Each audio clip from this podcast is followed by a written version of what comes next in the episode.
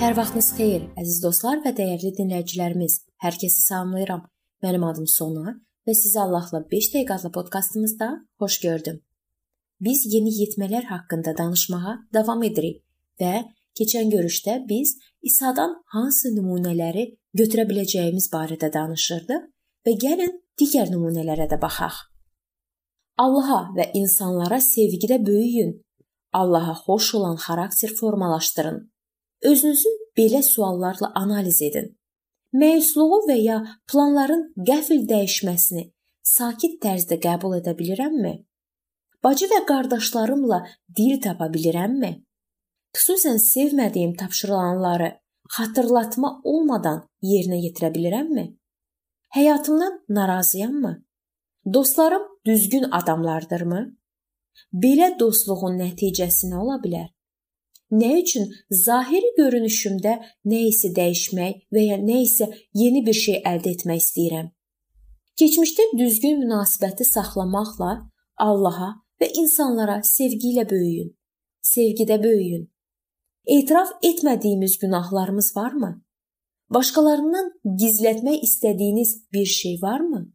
Rəblə görüşə hazırsınızmı? Böyüdükcə sizinlə əvvəllər baş vermiş hadisələrə fərqli baxıb dərk edəcəksiniz. Bəzən yaşı çox olan gənclər onların həyatında olmuş qeyri-kamillikdən utana, hətta əzab çəkə bilər. Məsələn, 17 yaşınız olanda 14 yaşda etdiklərinizi xatırlayıb təəccüblənə bilərsiniz. Məni necə imanlı adam adlandırmaq olar? Necə olub ki, belə bir iş görmüşəm? Ümumiyyətlə, vəftiz olanda yenidən doğulmuşdummu? Belə dəyişikliklər Allaha sevgidə böyüməyinizin nəticəsidir. Əgər geriyə baxanda orada ruhani inkişaf görməsəniz, bu sizin kədərli ruhani vəziyyətinizdən xəbər verir. Ola bilsin, zaman keçdikcə geriyə baxıb indiki halınızı görəcəksiniz və biləcəksiniz ki, onda da Allah sizi təqdis etmişdi.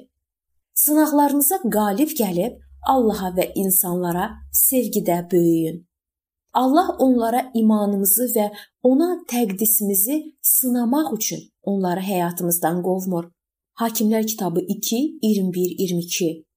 Siz sınaqlara müqavimət göstərmək üçün gündəlik olaraq Allahdan kömək istəməlisiniz. 1-ci Yəhya 2:14-də yazılıb: Ey uşaqlar, sizə yazdım, çünki güclüsünüz. Allahın kəlamı sizdə qalır. Şər olana da qalib gəlmisiniz qonşunuzla çətinliklərinizi və mübarizənizi bölüşməklə Allaha və insanlara sevgidə böyüyün. Gənclər bir qayda olaraq ehtiyat edirlər ki, zəiflikləri barədə kiməsə danışsalar, ətrafdakıların onlara qarşı sevgisi azalar. İnsanlar mənim haqqımda nə düşünərlər? Belə bir sınaq və ya çətinliklə qarşılaşan yeganə insan olduğunuz barədə nağıla inanmaq asandır. Əgər başqalarına kömək üçün müraciət etməyə hazır olsanız, insanlar sizin də onlar kimi adi insan olduğunuzu görüb sizə kömək etməkdən məmnun olarlar. Sınaqlarla üzləşmək insanlara xas bir şeydir. Gənclər, unutmayın, siz tək deyilsiniz. Sizin əzablı mübarizə və qeyri-müəyyənlik içərisində qalmağınız Allaha xoş deyil. O sizin böyüməyinizi istəyir Əgər davamlı olaraq ruhani cəhətdən məğlub olursunuzsa və ya nə isə sizi narahat edirsə, kömək üçün müraciət edin. Əgər şəxsi söhbət zamanı müəyyən mövzuda danışa bilmirsinizsə, bəlkə də xidmətçinizə və ya valideynlərinizə yazasınız. Əziz gənclər, Allahda böyüyün. Onda gələcəkdə sizi tam xeyir-dua və tükənməz sevinclə dolu əbədiyyət gözləyir.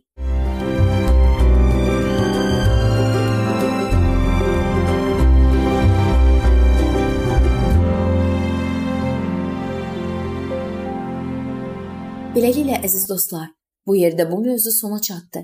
Hər zaman olduğu kimi sizi dəvət edirəm ki, bizim podkastlarımızı Facebook səhifəmizdən və YouTube kanalımızdan dinləməyə davam edəsiniz.